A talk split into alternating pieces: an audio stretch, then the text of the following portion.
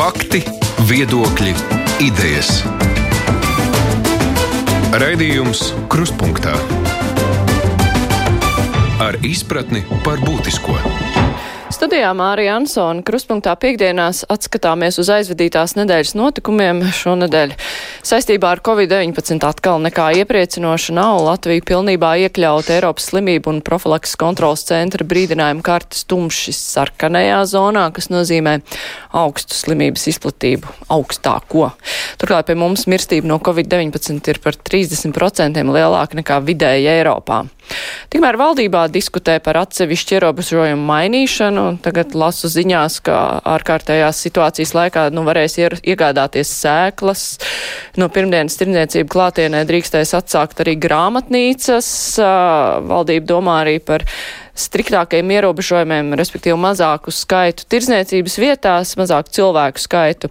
Tāpat arī šonedēļ nu, sāka runāt par to, ka varētu ļaut klātienē mācīties pirmo un otro klašu bērniem. Ir arī citi notikumi, citi valdības lēmumi, bet uh, vispirms par mūsu diskusijas dalībniekiem, par žurnālistiem. Kopā ar mums ir Nelija Ločmela, žurnāla ir galvenā redaktore. Sveika, Nelija! Sveiciens! Arī žurnālisti Baiba Strautmane, sveika Baiba. Labdien! Romāns Meļņiks no uh, laikraksta dienas, sveiks Romānu! Labdien! Un mans kolēģis Kruspunktā, bet pamatdarbā tomēr TV3 uh, Arnis Krauze, sveiks Arni! Māri, sveiki! Jā, uh, kamēr mēs diskutējam, kamēr mēs strādājam, ļoti liela ažiotāža ir saistībā ar pieteikšanos vakcīnām speciālajā portālā. Kāds no jums ir jau paspējis to izdarīt, pieteikties uz vakcinēšanos vai nemēģinājāt to darīt? Nesenāca. Es pamēģināju, bet nu, tur tas skaitītājs ieslēdzās, ka jāgaida 28, kas tās ir minūtes laikam. Un, un, un, un tad es sapratu, ka Un tad es arī Latvijas rādio ziņās dzirdēju, ka ir aicinājums nesteigties, jo, jo to var darīt rīt, parīt un vēl nedēļas uz priekšu. Uh, tā kā, tā kā es vēl neesmu pieregistrējies, bet es uh, Twitterī redzēju, ka, ka vairāki mani kolēģi viņiem, viņiem tas ir izdevies.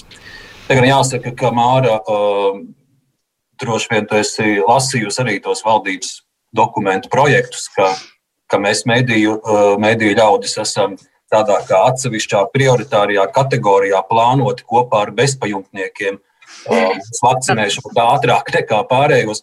Jā, tur vispār ir interesants saraksts, kur ir žurnālisti ielikt pie, pie ministriem un pie bezpajumtniekiem. Mēs esam, kā teikt, vienā kategorijā ielikt. Mums būs iespējams tā, tā iespēja poti dabūt ātri. Aha, interesanti, bet tas ir tad, ja atsevišķi pieteiksim miesas potā ātrāk, jo var jau arī to nedarīt. Es savukārt lasīju arī, bija žurnālisti, kas teica, ka neuzskata, ka mēdījiem vajadzētu būt prioritāriem kaut kādā ziņā, ka viņiem vajadzētu iet vispārējā kārtībā. Bet, nu, tomēr runājot par kopīgo epidemioloģisko situāciju, nu, nekā iepriecinoši patiešām nav. Un, kas mani visvairāk satriec, lai gan to jau mēs arī varējām vērot, ir tas, ka mums mirstība no šīs slimības ir vidēji lielāka nekā citur Eiropā. Un, Kā jums šķiet, kāpēc ir šie skaitļi, vai tās ir kaut kādas uzskaitas īpatnības, vai tomēr nu, mums ir jā, jāuztraucas par to, ka cilvēkus pietiekam ātri neved uz slimnīcām, vai arī, ka pansionātos cilvēki netiek pietiekoši aprūpēti, jo trešā daļa no saslimušiem nomirstot mājās tādu ziņu es vakardien lasīju. Ir kādas versijas, kāpēc pie mums tie skaitļi ir trakāki nekā vidēji Eiropā Nelī? Es domāju, ka tas nav viedokļa jautājums, un es neesmu izpētījis šo tēmu. Es redzēju preses konferencē arī Daniels Pavļots, veselības ministrs, nevarēja skaidri atbildēt uz šo jautājumu. Es domāju, ka būtu jānoskaidro fakti, un tad tas būtu jāpastāsta cilvēkiem. Bet fakts kā tāds ir satriecošs diezgan. Nu jā, bet tur būtu pirmais jānoskaidro, vai tiešām šī uzskaita nav atšķirīga kā citur Eiropā. Nu, tā loģiski domājot, man šķiet, ka iespējams vecāki cilvēki, kas pamatā šobrīd arī mirst ar covid, ir vienkārši sliktāka veselība pie mums Latvijā nekā vidēji Eiropā, vai sevišķi kaut kādā rietuma Eiropas valstīs. Nezinu. Mēs jau esam sliktāki arī salīdzinājumā ar kaimiņiem, lietuviešiem un igauņiem, diemžēl. Jā. Es domāju, ka arī tā situācija slimnīcās, kas, par kuru ārsti jau it kā cenšas necelt paniku un vienkārši pieiet uh, profesionāli un cenšas risināt, bet viņa ir kritiska.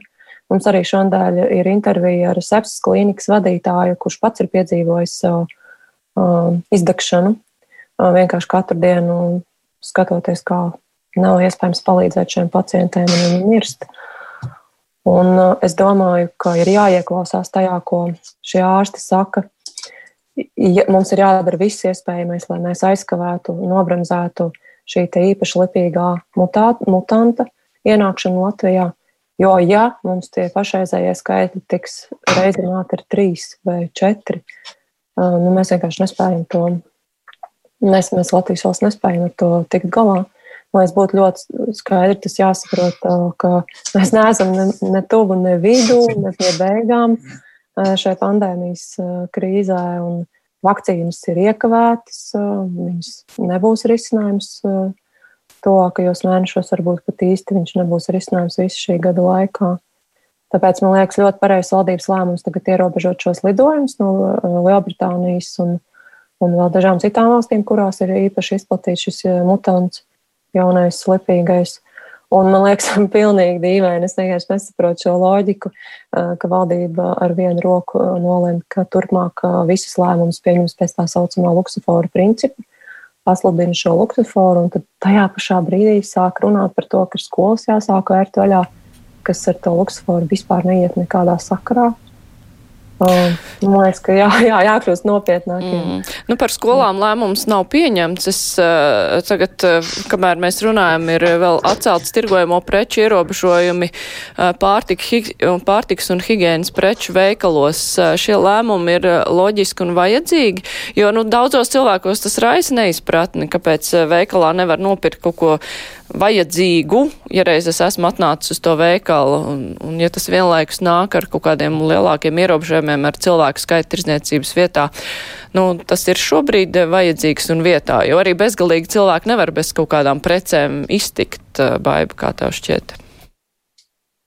Es domāju, ka par precēm jau nu, droši vien, tas ir loģiski, ja uz to rīmī aizēja un, un, un tiec viņā iekšā, ņemot vērā atļautu groziņu skaitu.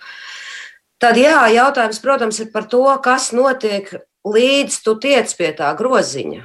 Nu, kāda tur tā burzma sanāk? Jo, jo, jo es zinu, teiksim, no Itālijā, ka tu vienkārši stāv uz ielas. Kamēr viņiem bija tie stingri ierobežojumi, ja tev nav tava groza vai ratu, tu stāv uz ielas ar divu metru distanci, bet mums jau uz ielas neliks stāvēt šitādā, šitādos grādos. Tā kā tur ir, ir jautājumi, bet par skolām gan es nelijai pilnīgi piekrītu, īpaši, ja mēs pat neesam nu, skolotājus ielikuši Eh, kaut kādā prioritārā grupā. Man liekas, ja tu gribi atvērt kaut vai pirmo, otro klasi, es saprotu to loģiku. Tas jautājums nav vienkāršs, un cilvēkiem dzīves ir sarežģīts. Bērni, jā, vairākiem bērniem mājās jāsēž un jāmācās caur datoru.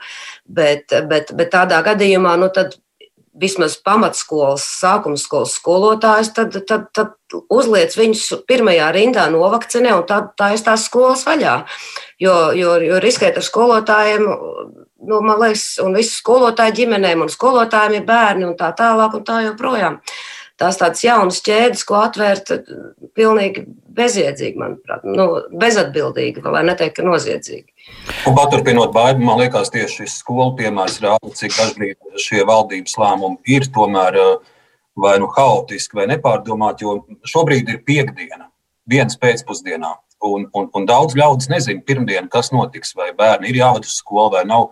Uh, skolas, skolu administrācijas pedagogi. Nu, viņiem paliek vien pāris dienas gatavoties, jo tur vajag pārplānot klases, tur vajag domāt par temperatūru, tur vajag domāt par visu šo divu metru. Un, un pirmdien gatavoties attālinātām mācībām vai klātienes, vecākiem jādomā, kā nogādāt to bērnu, jo ir mudinājums neizmantot sabiedrisko transportu. Tā tālāk ir piekdiena, viens, viens pēcpusdienā šobrīd ir.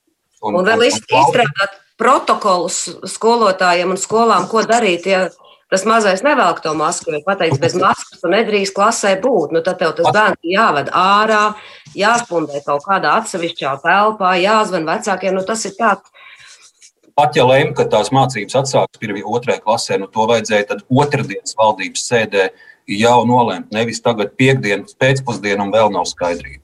Es, es atvainojos, es gribu piebilst, es vispār uzskatu, ka nav pieļaujama tāda situācija, kad valdība vienas sēdes laikā pieņem divus pilnīgi pretējus lēmumus. Es piekrītu. Tas, ir, tas nav iespējams. Tas, tas, tas nav jautājums, vai tā ir piekdiena vai otrdiena.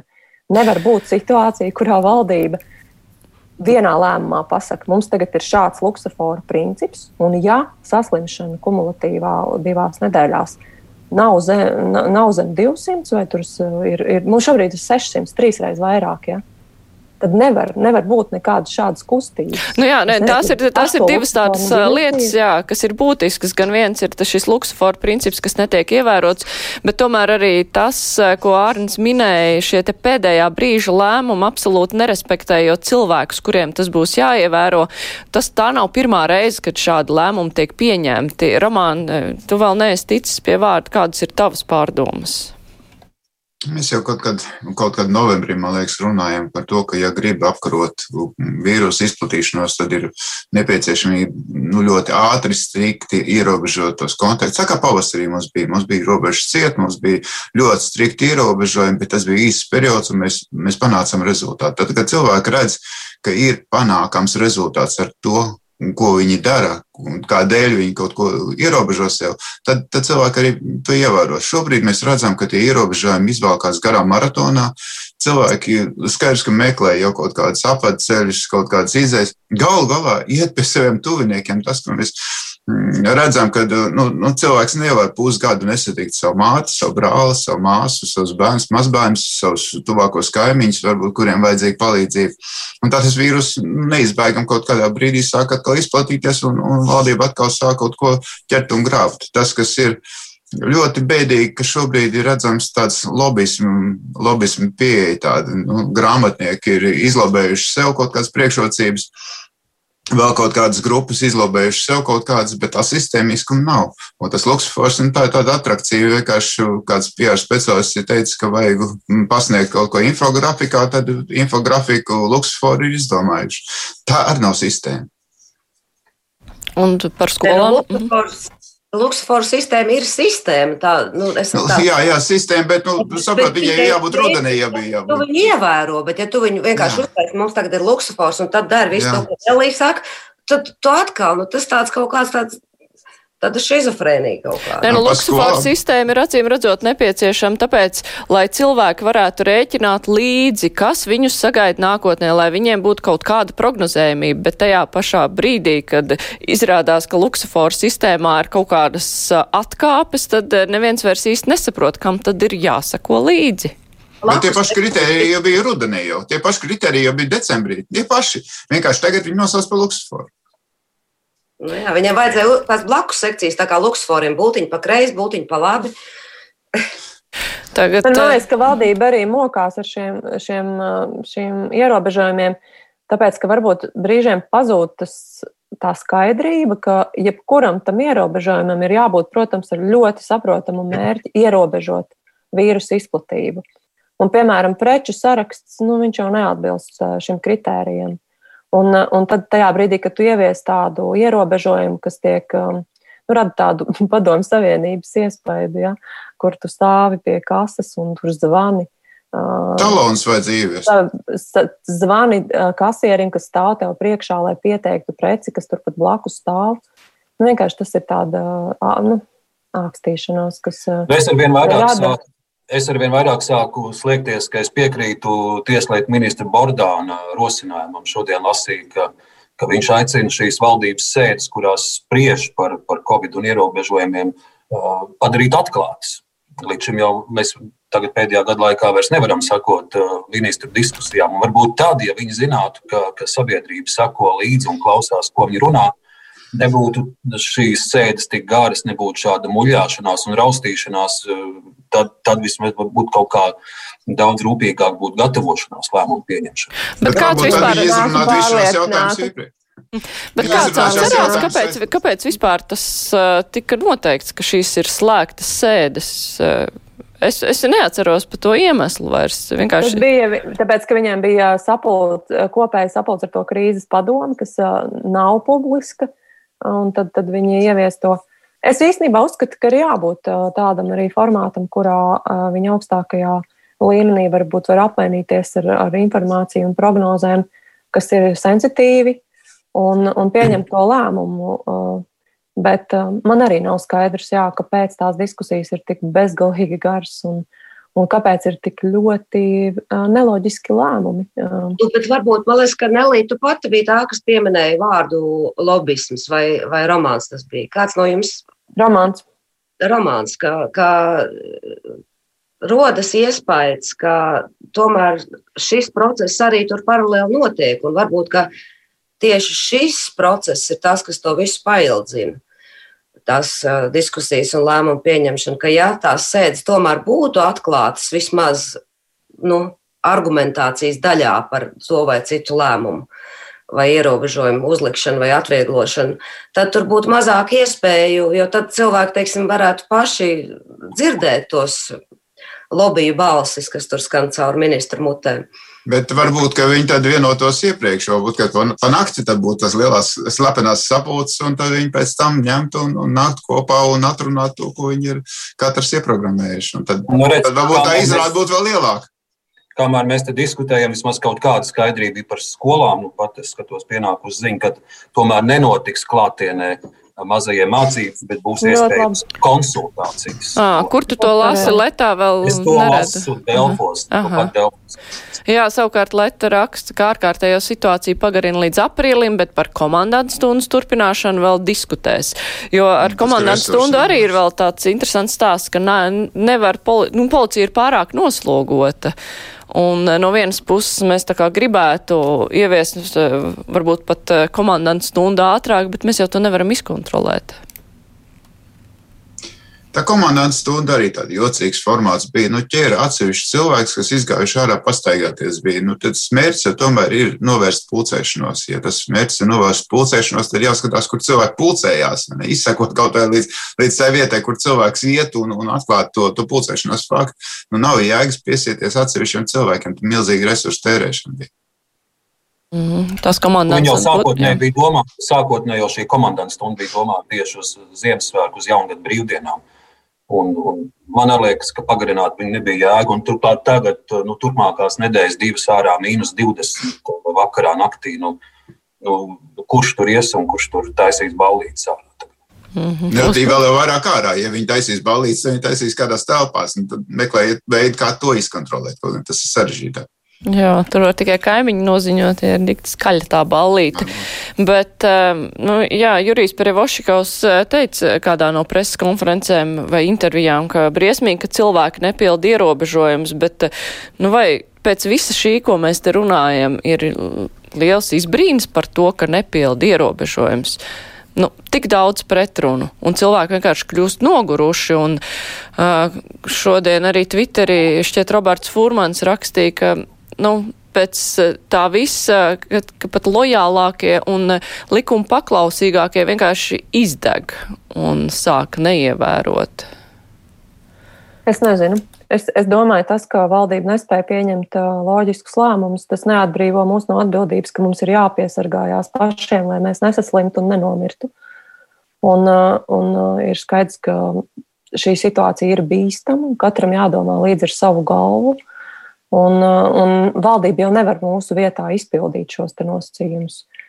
Uh, jā, es piekrītu, protams, ir, uh, ir daži tie ierobežojumi bijuši dīvaini, bet man liekas, ka nu, es saprotu šo nogurumu, bet mums arī vienlaikus jāsaprot, ka tas nebeigsies maģiskā veidā tuvāko mēnešu laikā.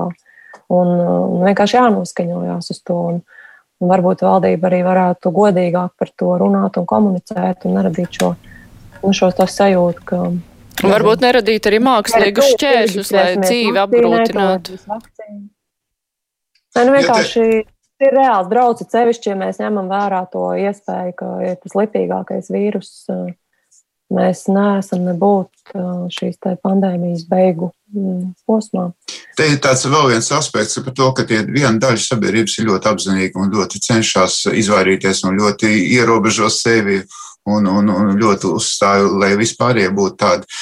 Bet viena daļa pasaka, ka mūs tas nesatrauc, mēs, mēs esam veselīgi un, un viņi turpina tāpat tās uh, dzīvot, kā līdz šim dzīvojuši. Un tad tie, kas ievēroja tos stingrus principus, un tajā situācijā, ka tas vīrus nu, nemazinās tā izplatīšanās, nu, tie tādā muļķa loma paliek. Nu, tomēr ir vajadzīgs kaut kādi lēmumi, kaut kādi ierobežojumi, kas ir vienādi stingri attiecinām uz visiem, lai visi uh, ievērotu un lai būtu rezultāts. Tad arī tie, kas nu, ļoti, ļoti ievēro šos uh, kritērijus, principus, visus, nu, justu, ka viņi ir nu, novērtēti kaut kā. Šobrīd tāda ir. Es, es gribu iedot, noteikti cilvēki, kas ievēro noteikumus, nav muļķi. Viņi rīkojas saprātīgi. Viņi, viņi jūtas muļķi. Nu, tu, tu, tu, tu, tu brauc uh, ar mašīnu, tu ievēro sarkano gaismu, pie Luksfora apstājies, ja kāds cits brauc pāri. Tu ej ar kājām pāri krustojumam, tu stāvi, kā vesels bars, citu iet garām. Nu, tu jūties kā Jā, nu, tā, ir, tā ir problēma šie cilvēki, kas brauc pie tās sarkanās gaismas, būtu jāiztur un jā, jāsoda. Jā, Bet jā. tas, ka tu apstājies pie sarkanās gaismas, tu neesi muļķis.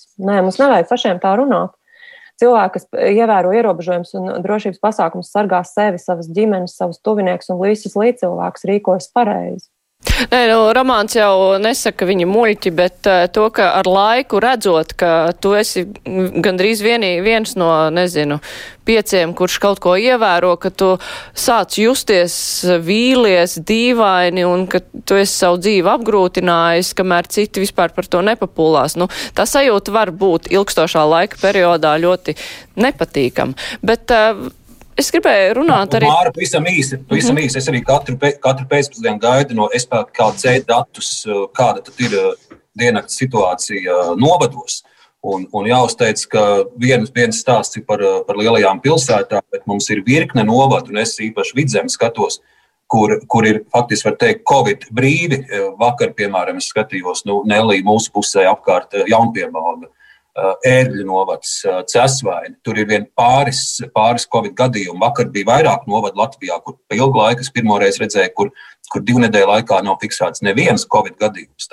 Es gribu, gribu ticēt un domāt, ka tur, ka tur ir ļoti apzinīgi šie cilvēki. Un, Un, un, un kaut šī karte parādītos Latvijas novada karte ar vien vairāk šiem pelēkajām zonām, kur divu nedēļu laikā nav bijis neviens covid gadījums.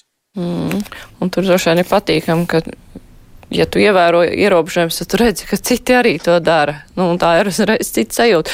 Bet uh, viena lieta, par ko es vēl gribēju runāt uh, saistībā ar Covid, ir šis te masku iepirkums bēdīgi slavenais, un uh, nu, šonadēļ tika sāktas divas disciplināra lietas pret diviem ierēģiem, kas ir pārbauda gribēju teikt, vai ne? Vakcīna. Foi, vakcīna, piedodiet, jā.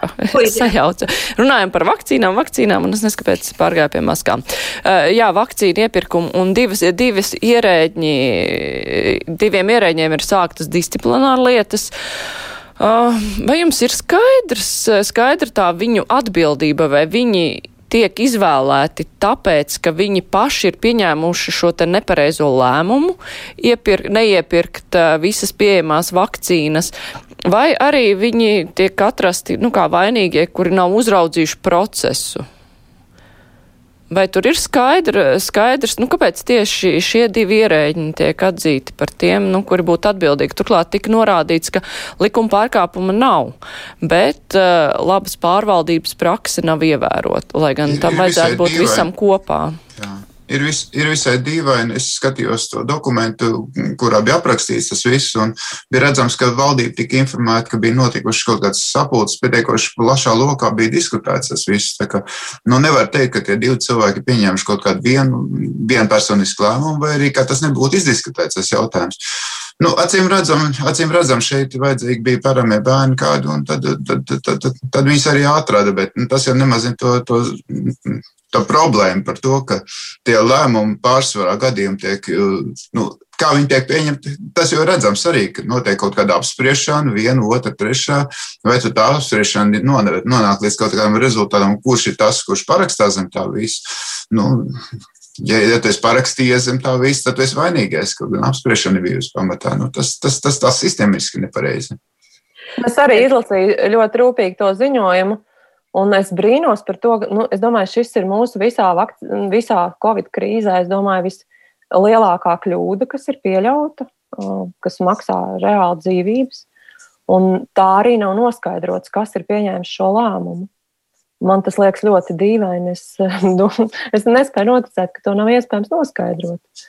Jo tie divi cilvēki, par kuriem tagad ir šī disciplināra atbildība ierosināta, ir Es saprotu valsts sekretāri tāpēc, ka valdīja tāds bardaks, ka vispār nenotiek nekādas, nav nekāda rīkojuma, nenotiek nekāda protokolēšana, vispār viss ir pašplūsmā. Nu, tā valsts pārvaldē vienkārši nedrīkst būt. Un savukārt tas otrs ierēdnis NVD par to, ka es saprotu, viņš nav īsti laikam korekti informāciju sniedz tajās apspriedēs par to, ka tas viss lielais apjoms Pfizer vakcīna, par kurām bija runa, ka tās visas netiks iepirktas vai piegādātas uzreiz pašā gada sākumā, un ka tas ir apjoms, kas tiks izkliedēts ilgākā laika posmā. Tad līdz ar to es saprotu, tiem apspriešanas dalībniekiem radās sajūta, ka nu, mēs te peldēsim janvārī kaut kad vakcīnās, un vienkārši viss būs pa daudz, un tad pārmetīs, ka esam izšķērdējuši naudu. Bet, manuprāt, šādi, šādi man nav skaidrs, kam tad ir īsti taisnība tas, ko mūsu premjerministrs saka, Kariņš, ka viņš nekad nav varējis iedomāties, ka kāds vispār varētu atteikties no kādām vakcīnām. Un es nesaprotu, no kurienes viņam ir šī pārliecība. Vai tad valdībā ir bijis tāda nostāja, ir politiski pateikts, ka mēs pieteiksimies uz visām vakcīnām. Vai arī uh, ir kaut kāds tāds apbrīnums, uh, informācijas kaut kāda pārāvuma, kad vai veselības ministra, kas arī vienmēr stāstīja, ka Mēs esam vienmēr pieteikušies uz atbilstoši tam iedzīvotāju skaitam, kā Eiropas komisija dala iepirkums. Nu, tā acīm redzot, tad nebija patiesība. Bet vai tad viņa meloja par to, vai arī viņa pati to nezināja? Es vienkārši nevaru iedomāties, kas tad vēl varētu būt veselības ministram svarīgāks jautājums tajā laikā, ja viņa tiešām par to pati nesakoja līdzi. Līdz ar to man tā, skatoties to ziņojumu, rodas aizdoms, ka tur ir kaut kāds politisks uzstādījums bijis, ka tās Pfizer vakcīnas tik šausmīgi sarežģītas un, un grūtas, loģisti, loģi, grūta loģistika un pārāk muļķīgas, naivas cerības uz to, ka tā AstraZeneca tūlīt būs pārpludināta no šīm lētajām un ērti lietojamām vakcīnām. Un vienkārši nepareizs risku, um, risku pārvalde, kas, manuprāt, ir politiķa jautājums. Nu, valdības, pilnīgi noteikti veselības ministrijas, bet iespējams arī pat visas valdības jautājums. Es tomēr gribētu vienu NVD ierēdni, kurš tur bija atbildē, atbildīgais kā kontaktpersona. Mēs jau redzam, viņš jau nepieņēma to lēmumu. Un viņš arī ne, un tā nevar būt, ka šāds ierēdnis var pieņemt tādu lēmumu. Un tas noteikti bija akceptētais lēmums, nevis, nevis viņa pašvērtības. Ir tas patiešām šobrīd ir daudz dzīvību uh, vērts. Baiba. Jā, nu es gribēju piekrītot dzirdētajam lielā mērā. Tomēr gribētu, ka mēs neaizmirstu to ministra Pavļuta teikumu, ka šī, šī bija liela, liela strateģiska kļūda ar smagām sekām. Un smagās sekas ir cilvēku nāves. Un te pakonsultējoties ar kriminālu tiesību ekspertiem, man tomēr te saka, ka ir vērts skatīties uz kriminālu likumu 390. pāntu trešo daļu, kas runā par, eh, par, par valsts eh, amatpersonu pienākumu nepildīšanu. Tas arī valsts amatpersona tieši vai aiz nolaidības neizdara darbības, kuras tāpēc likuma vai uzlikta uzdevuma jāizdara, lai novērstu kaitējumu valsts varai, pārvaldes kārtībai vai ar likuma aizsargātām personas interesēm. Un trešā daļa runā par to, kas, ka, nu, ja tiek izraisītas smagas sekas, un, un mums ministrs ir atzīmis, ka ir izraisītas smagas sekas, Un tas, ka ministrijas ietvaros viņi nevar rosināt nekādas kriminālu uh, procedūras vai darbības vai izmeklēšanas, tas ir skaidrs. Tur viņiem ir disciplināra lieta un viss. Bet tas, ka mums ir visādas uh, iestādes valstī, kam, kam, kam uz ministra izteikumu smagas sekas būtu pienākums reaģēt no savas puses bez īpašiem kaut kādiem uzaicinājumiem, par to man šķiet nav nekādu šaubu. Un tad jau, nu, gan jau diezgan ātri noskaidrotos, kurš ir, ir, ir aiz nolaidības neprotokolējis pienākums, kurš ir, kurš ir nepro, neprotokolējis sapulces, kurš ko ir nolēms un kur, kur, kurš ko ir izdarījis. Jo tā trešā daļa paredz līdz pieciem gadiem cietumā, ja kas. No baigi paturpinot tās sekas, jau mēs redzam, arī, ja mēs salīdzinām Latvijas situāciju ar Baltijas kaimiņiem, Lietuvu un Igauniju. Lietuvā Precīzi. trīs reizes vairāk šobrīd tiek potēti ļaudis, krietni vairāk arī Igaunijā. Un mazāk mirst. Mazāk mirst. Un, un it sevišķi Igaunijā, ja, ja šīs potes, tā, protams, spekulācija, bet ja šīs potes būtu iepirktas jau, jau, jau pienācīgā daudzumā, iespējams jau šobrīd nevien mediķi būtu sapotēti, bet arī sociālo nāmu darbinieki un, un, un, un šis Covid mazāk izplatītos pansionātos, jo, jo ticiet man, man arī kā ziņu cilvēkam, nu, Nu, dažbrīd tas, tas pamatīgi dod pa nerviem, ka tev katru vakaru ir, ir 8.00 vakarā jāsāk ziņas ar, ar šodien atkal 30 cilvēku, šodien atkal 30 miruši. Un, un, un, un tas nav tikai man teikums uz papīra. Es, es iedomājos, ka to, to ziņu dzird arī bērni, mazbērni un, un draugi un kaimiņi. Un, un, un tie 30 cilvēki katru dienu. Es, es gribu ticēt, ka ka tas skaitlis eh, varēja būt mazāks, ja, ja arī gudrāk lēmumi tik laicīgi pieņemti. Mm -hmm.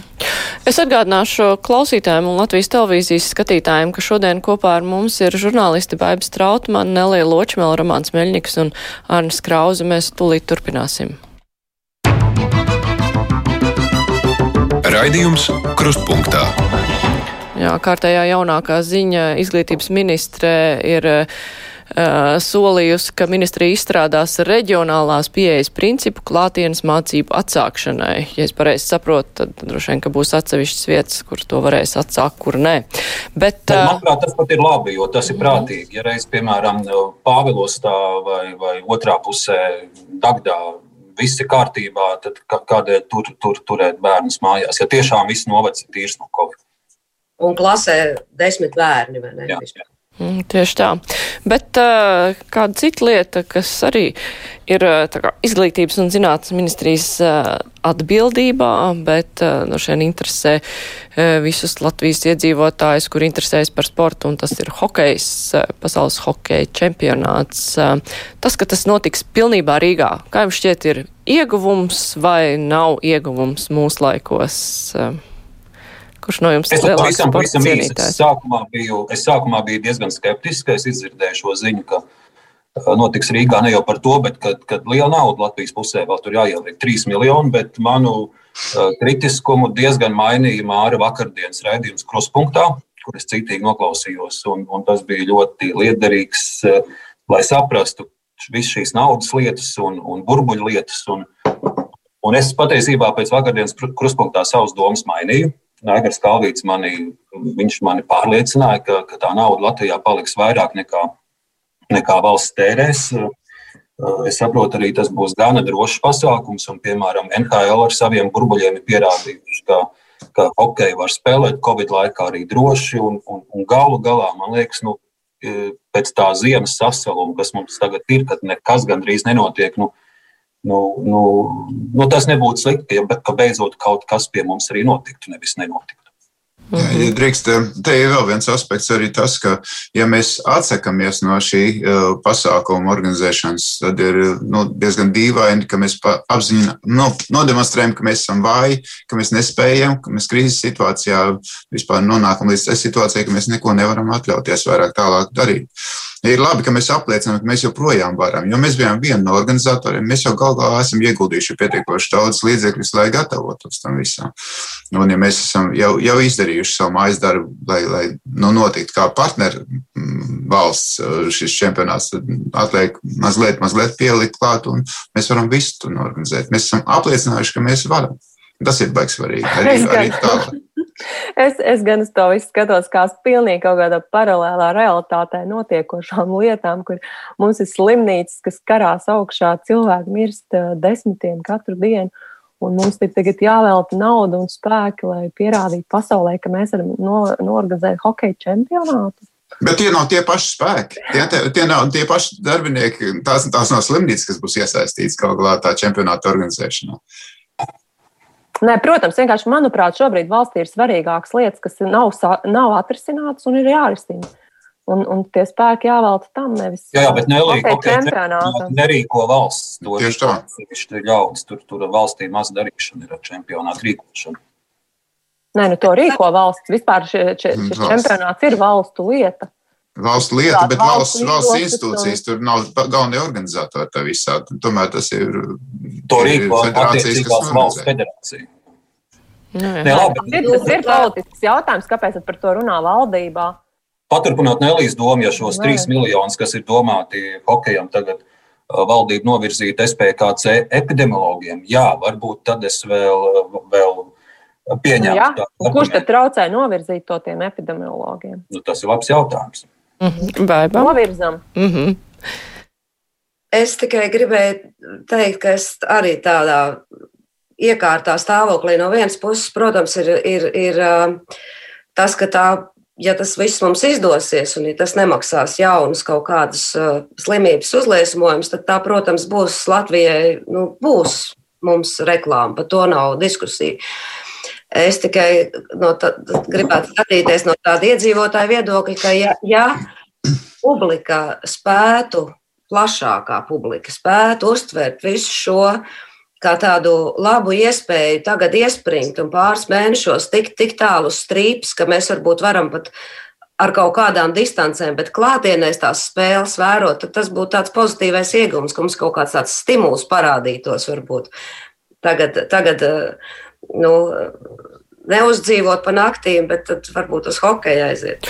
Nu, Un tas tomēr tā ļoti šaubīgi izklausās uh, attālināta līdzjušana hokejā. Nu, kaut kā neticās, jo tā kā bērni Tā tāpat reāli arī mājās pie televizora attālināt līdzšanu, vai ne? Ā, Nu, tas nu, būs to, to sanāk- nu var izdarīt. Jā. Jā, skatīties hokeju. Labāk, lai viņi sēž tur augstā hallē ik pēc trīs metriem. Nu, ja viņi tā var nosēdēt, galvenais, lai pēc uh, tās saņemšanās tas, uh, tas cipars saslimšanas atkal neuzlec augšā, kas ir Jā, jā, būtiski. bet Māri, mums ir jāatgādina, ka čempionāts nenotiks ne rīt, ne parīt. Tas notiks māja beigās un jūnijas sākumā. To Tad, nu, man ir liela cerība, ka ap to laiku jau nu gan uh, situācija Latvijā vajadzētu krietni uzlaboties. Nu, katrā gadījumā, ja mēs esam gatavi rīkot čempionātu, tad mēs nekādā gadījumā, es domāju, mēs politiķi nevaram atļauties runāt par to, ka mums vajadzētu pārcelt pašvaldību vēlēšanas. Ņemot vērā īpaši to, ka viņas nenotiek Rīgā šovasar, viņas notiek tikai visā pārējā Latvijā. Tad nu, šīs divas lietas jau nu, tad gan ir vai nu abas, vai nu neviena. Vai ne? Jā, tas ir labi, ka tu pārgāji šo te pašvaldību vēlēšanu jautājumu. Es- Tas bija nākamais temats, ko es gribēju pieteikt. Kam tas ir izdevīgi? Kurš ir ieinteresēts pārcelt šīs vēlēšanas? Un tas tā kā no jaunās vienotības puses izskanēja. Kāpēc, kāpēc viņiem tas būtu vajadzīgs?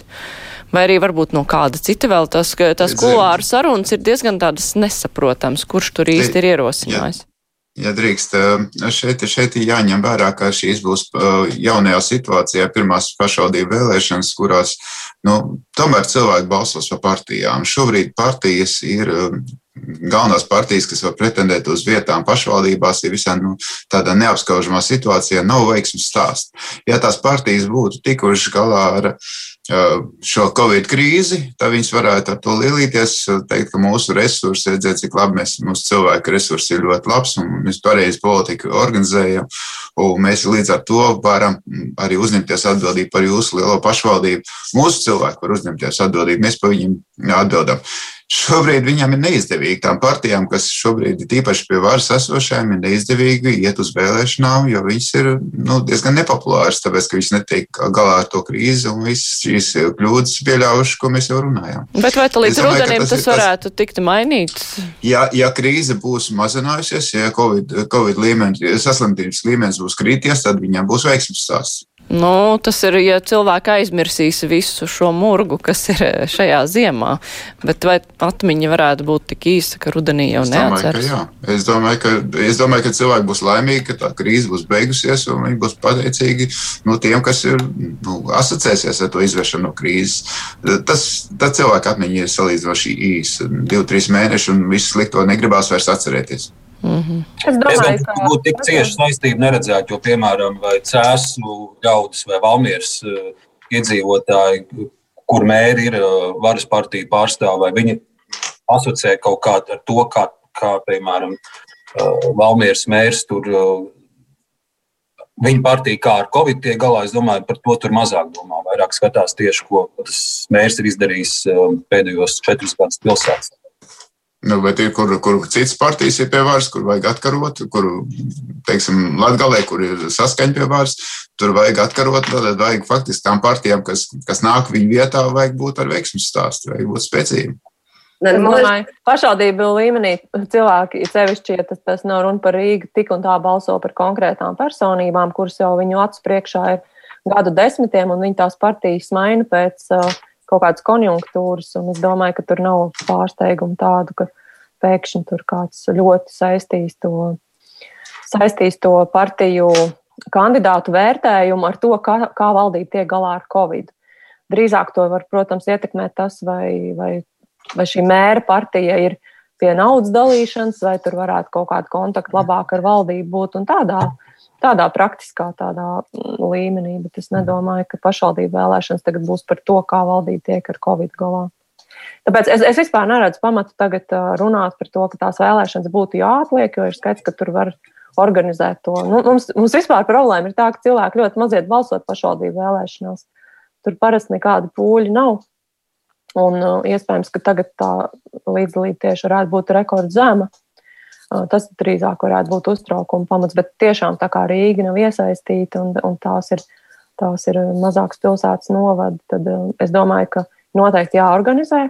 Ja nu pēkšņi būs ļoti, ļoti slikta epidemioloģiskā situācija, tad vienmēr to var atcelt, bet man liekas, ka jāorientējās uz to, ka būs iespējams norganizēt vēlēšanas.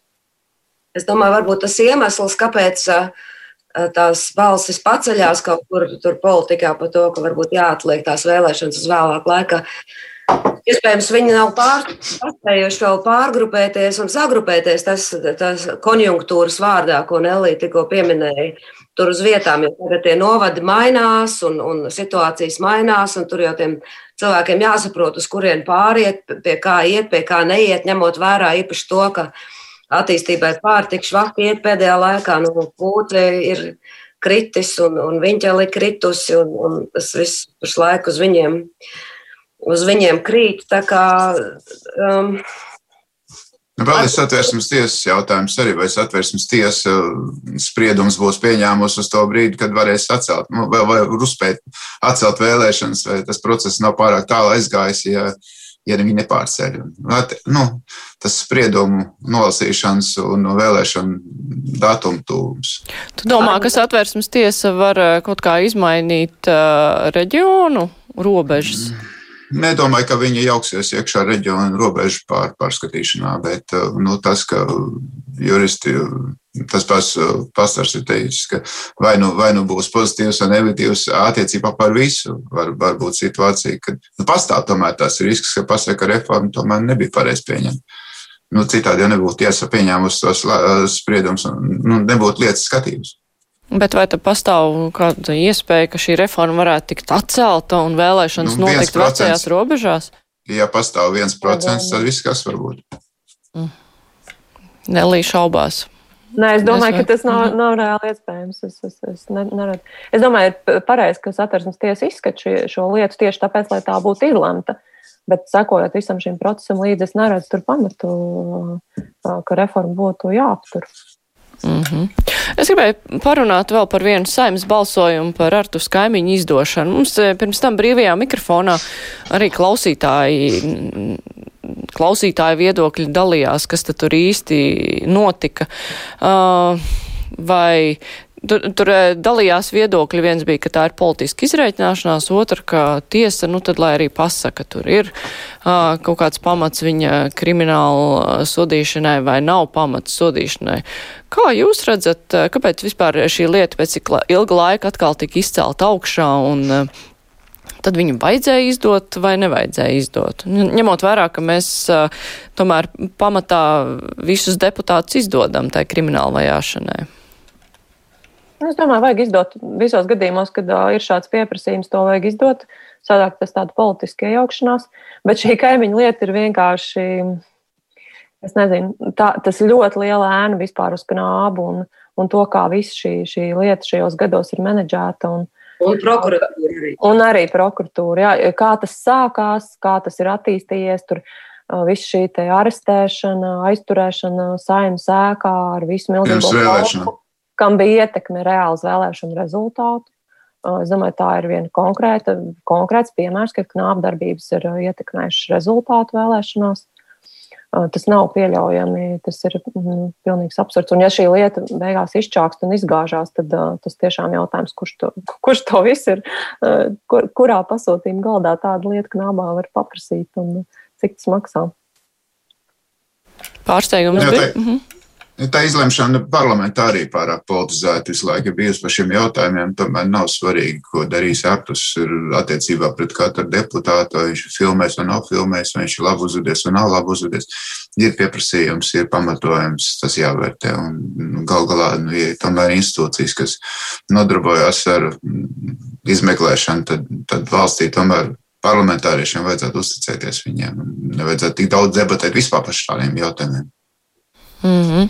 Bija vēl viens balsojums par Aleksēju Navaļņiju uh, atbrīvošanu. Uh, nu, tas, ka, uh, tas, ka saskaņa balso parasti pret šādiem jautājumiem, to mēs tā kā esam pieraduši, bet uh, tas, ka Vjačeslavs Dombrovskis salīdzināja izturēšanos pret Navaļņiju ar uh, izturēšanos pret opozīciju Latvijā, nu, tas. Uh, adekvāti jums šķiet arī no opozīcijas mutes, vai tas tomēr ir pārāk traki? Man šķiet adekvāti nav tas, ka, ka it sevišķi tev piesauktā saskaņa, viņi bieži vien uh, Jānis Urbanovičs, piemēram, žēlojas, ka, ka, ka viņus neies, ne, neuzklausa, ka viņus neiesaista lēmumu pieņemšanā. Un, un, nu, lūk, te bija, te bija iespēja pievienoties saskaņai un, un, un šai pozīcijai, un viņi izvēlējās to nedarīt. Nē, nu katrs cilvēks, kurš seko līdzi tam, kas notiek Krievijā ar Navaļniju, saprot, ka Latvija ir gaismas gada attālumā no šādas situācijas, un Jačeslavs Dombrovskis vienkārši varētu pieslēgties realitātei. Bet uh, tu domā, ka viņš nesaprot realitāti, vai tas ir viņš... nu, kaut kāds mēģinājums Nē, nu- vienkārši pieslēgt cilvēkus, kuri dzīvo kaut kādā uh, Kremļa retorikas realitātē Latvijā? Te ir vairāk, droši vien Kaut kādā par to. konstruktā dzīvo un, un cenšas uzrunāt šos cilvēkus šī konstrukta iet, ietvaros. Ne tikai es domāju, ka šī gadījumā ir mēģinājums panākt publicitāti, panākt to, ka mēs to apspriežam. Faktiski viņš iz, izmet ārā tēzi, kas ir nu, klāja absurda, bet uh, tā pašā laikā viņš panāca to, ka mēs par viņu runājam. Nu, politiķiem ir svarīgi, ka par viņu runā. Politiķis ir visu laiku aktuāls dienas kārtībā, tad viņš ir. Ja viņi ja par viņu nerunā, tad viņi nav. Nu, protams, arī saskaņai pašai tur ir diezgan jālēpo, jo es interesi pēc paskatos uh, krievalodīgajos portālos uh, komentārus. Un man par pārsteigumu tur ir uh, gana daudz uh, Navaļnijā atbalstošu. Arī, arī piemēram, it sevišķi jauniešu pusauģu vidū tik populārais šobrīd TikToks.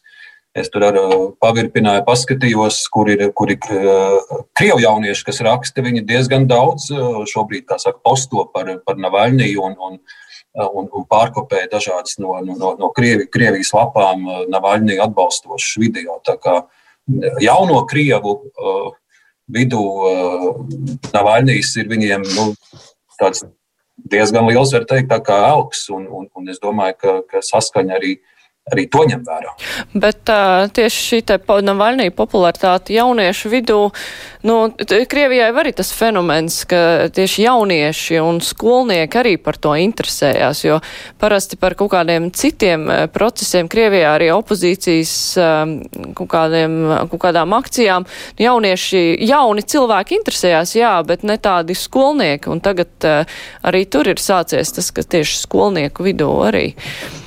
Tas ir arī sociālo tīklu fenomens. Domāju, tas ir galvenokārt sociālo tīklu fenomens. Tajos, ko patērē jaunieši TikTok. Mums vēl ir pāris minūtes palikušas. Um, Šonadēļ tapa zināms, ka izskatās, ka Juris Jansons uh, tomēr dabūs trešo termiņu tiesības sarga amatā. Nu, protams, tas vēl nav līdz galam zvanīts, bet uh, partijas, kuras ir izteikušas viņam atbalstu, nu, tas liek domāt, ka viņš varētu tikt uh, Tas ir tāds, tāda laba izvēle no partiju puses, jo bija diskusijas, nu, cik tad ilgi viens cilvēks var turpināt, un tad mainīja likumu, lai ierobežot termiņus, bet tomēr uz tiesību sargu to neatiecināja, un pats tiesības sargs arī līdz galam vēl nesen nezināja, vai viņi kāds virzīs vai nevirzīs ir visai grūti atrast cilvēku, kas būtu pietiekoši neitrāls, politiski neitrāls, kuru, par, kur, par kuru varētu vienoties visi. Parasti tādos situācijās, kad ir iespēja apstiprināt esošo, tad tā ir vienkāršākā izvēle. Šī gadījumā politiķiem nu, noteikti ir, ir vieglāk nobalsot par esošu, lai nu, ir kāds ir. Daudz kritizēs, daudz sūdzēs tiesā un tam līdzīgi, bet nu, vismaz nav tā, ka mums teikt, ka mēs ielikam atkal savējo, kā tas ir bijis dažos balsojumos līdz šim iepriekš. Es domāju, varbūt viņi tieši uh, domā, jāapstiprina uz trešo termiņu. Pretējā gadījumā viņš būs konkurents nākamajās saimnes vēlēšanās. Domāju, visi viņa līdzinājā retorika uz to norāda, ka viņš noteikti iet politikā. Uh, es personīgi uzskatu, ka divi termiņi šādā amatā ir pietiekami uh, un ka būtu jāapstājās un, un jāmeklē, jādod iespēju kādiem jauniem cilvēkiem darboties. Bet, nu, acīm redzot, jā, politiķiem tur kaut kādi savi apsvērumi ir par šo konkurenci, man šķiet tā. Bet vai vispār bija manāms, ka kāds meklē kādu alternatīvu? Nu, varbūt tā kā aizmirst, ka jāmeklē kaut kas. Kāds kādam nepateica, ka tur termiņš beidzās. Tā kā ar, ar drošības policiju bija, ka pēkšņi ups un ir. Nu, jā, nē, nu, ar, ar kandidatūru apspriešanu mēs jau redzējām arī valsts kontrolas gadījumā, nu, ka tā publiskā apspriešana nebija ļoti pārliecinoša kandidāta izvērtēšana. Bet šajā gadījumā, nu, es vismaz nemanīju, ka būtu īpaši apspriesti kādi citi kandidāti. Uh, Tajā pašā laikā arī jautājums par Juriju Jansonu tika novilkts eh, tieši līdz pēdējiem, varbūt, lai viņam nebūtu līdz galam pārliecība, ka viņš tomēr tiks virzīts. Bet, nu, kā jums izskatās, tad šeit droši vien nekāda pārsteiguma arī īpaši nevarētu būt. Viņa apstiprinās. Nu, vienīgais ir arī šīs dienas ziņa, ko var pieminēt, ka jaunā konservatīvā partija tiesības ar gamatu tam virzīs bijušo Talsu novada domas vadītāju Zelderi. Tā ir Tā ir šodienas ziņa, bet koalīcijā īsti vienprātības arī nav par Jansonu. Bet, nu, pēc tā atbalsta, ko partijas ir teikušas, skaidrs, ka mm, tiesības sargam Jansonam trešais termiņš jau šodien ir kabatā. Jau. Es arī domāju, ka Nelijai taisnība, īpaši ņemot vērā to, ka viņš jau parādījās uh, uz prezidenta izvēles brīdi, kā cilvēks, kas ir gatavs kļūt par valsts prezidentu. Kā, vai, kurš viņu virzīs ZZS? Jā, vai ZZS, jā. ZZS. Tā kā tā doma, ka labāk, lai viņš sēž tur un, un, un, un daudz nekustās, es domāju, pareizi. Jā, vispār tāda interesanta doma. Es atzīšos, es par to nebiju iedomājusies, ka saistībā ar nākamajām saimnes vēlēšanām varētu mēģināt nobīdīt, jo, partija, jo politiķi jau ir sākuši riktēties un dibināt jaunas partijas, eh, nu, tā, tie, kas ir, kuri ir bijuši politiķi citās partijās. Tā kā šī kustība jau notiek un gatavošanās uz vēlēšanām notiek. Bet uh, mums atvēlētais laiks ir beidzies. Es teikšu paldies. Šodien kopā ar mums bija Romāns Mēļņiks, Baibas Trautman, Nelija Ločmel un Arnis Krauze. Kruspunktā ar to šonedēļ arī izskan uh, raidījuma producents producente ir Evi Junāma, studijā bija es, Māri Jansona. Atkārtojumu varat vienmēr klausīties pēc deviņiem vakarā. Visu labu!